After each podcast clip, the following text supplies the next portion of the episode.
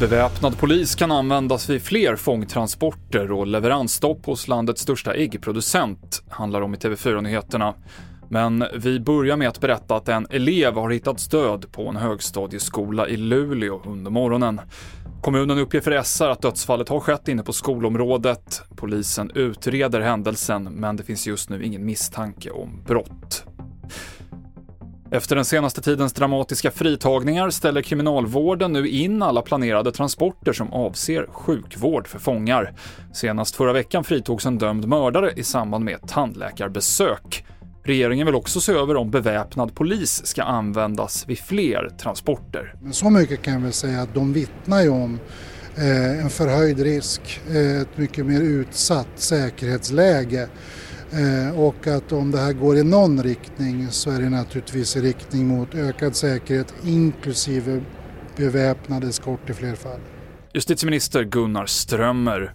Sveriges största äggproducent, CA Cedergren i Mönsterås i Småland, stoppar alla leveranser av ägg till konsumenter på obestämd tid efter att salmonellabakterier upptäckts i packeriet.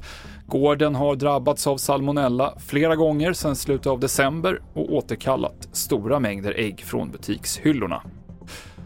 Och idag inleds Aurora 23. Det är den största nationella militärövningen på över 30 år. I luften, på marken och till sjöss ska försvaret öva på att stoppa ett stort väpnat angrepp mot Sverige.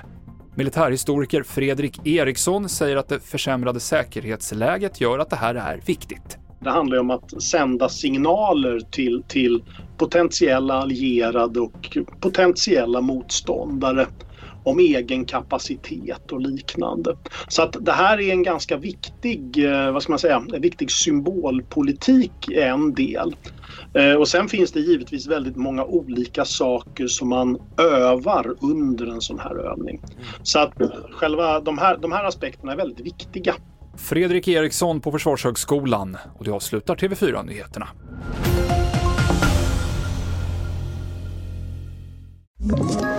Ett poddtips från Podplay. I fallen jag aldrig glömmer djupdyker Hasse Aro i arbetet bakom några av Sveriges mest uppseendeväckande brottsutredningar går vi in med hemlig telefonavlyssning och, och då upplever vi att vi får en total förändring av hans beteende. Vad är det som händer nu? Vem är det som läcker? Och så säger han att jag är kriminell, jag har varit kriminell i hela mitt liv men att mörda ett barn, där går min gräns. Nya säsongen av Fallen jag aldrig glömmer på Podplay.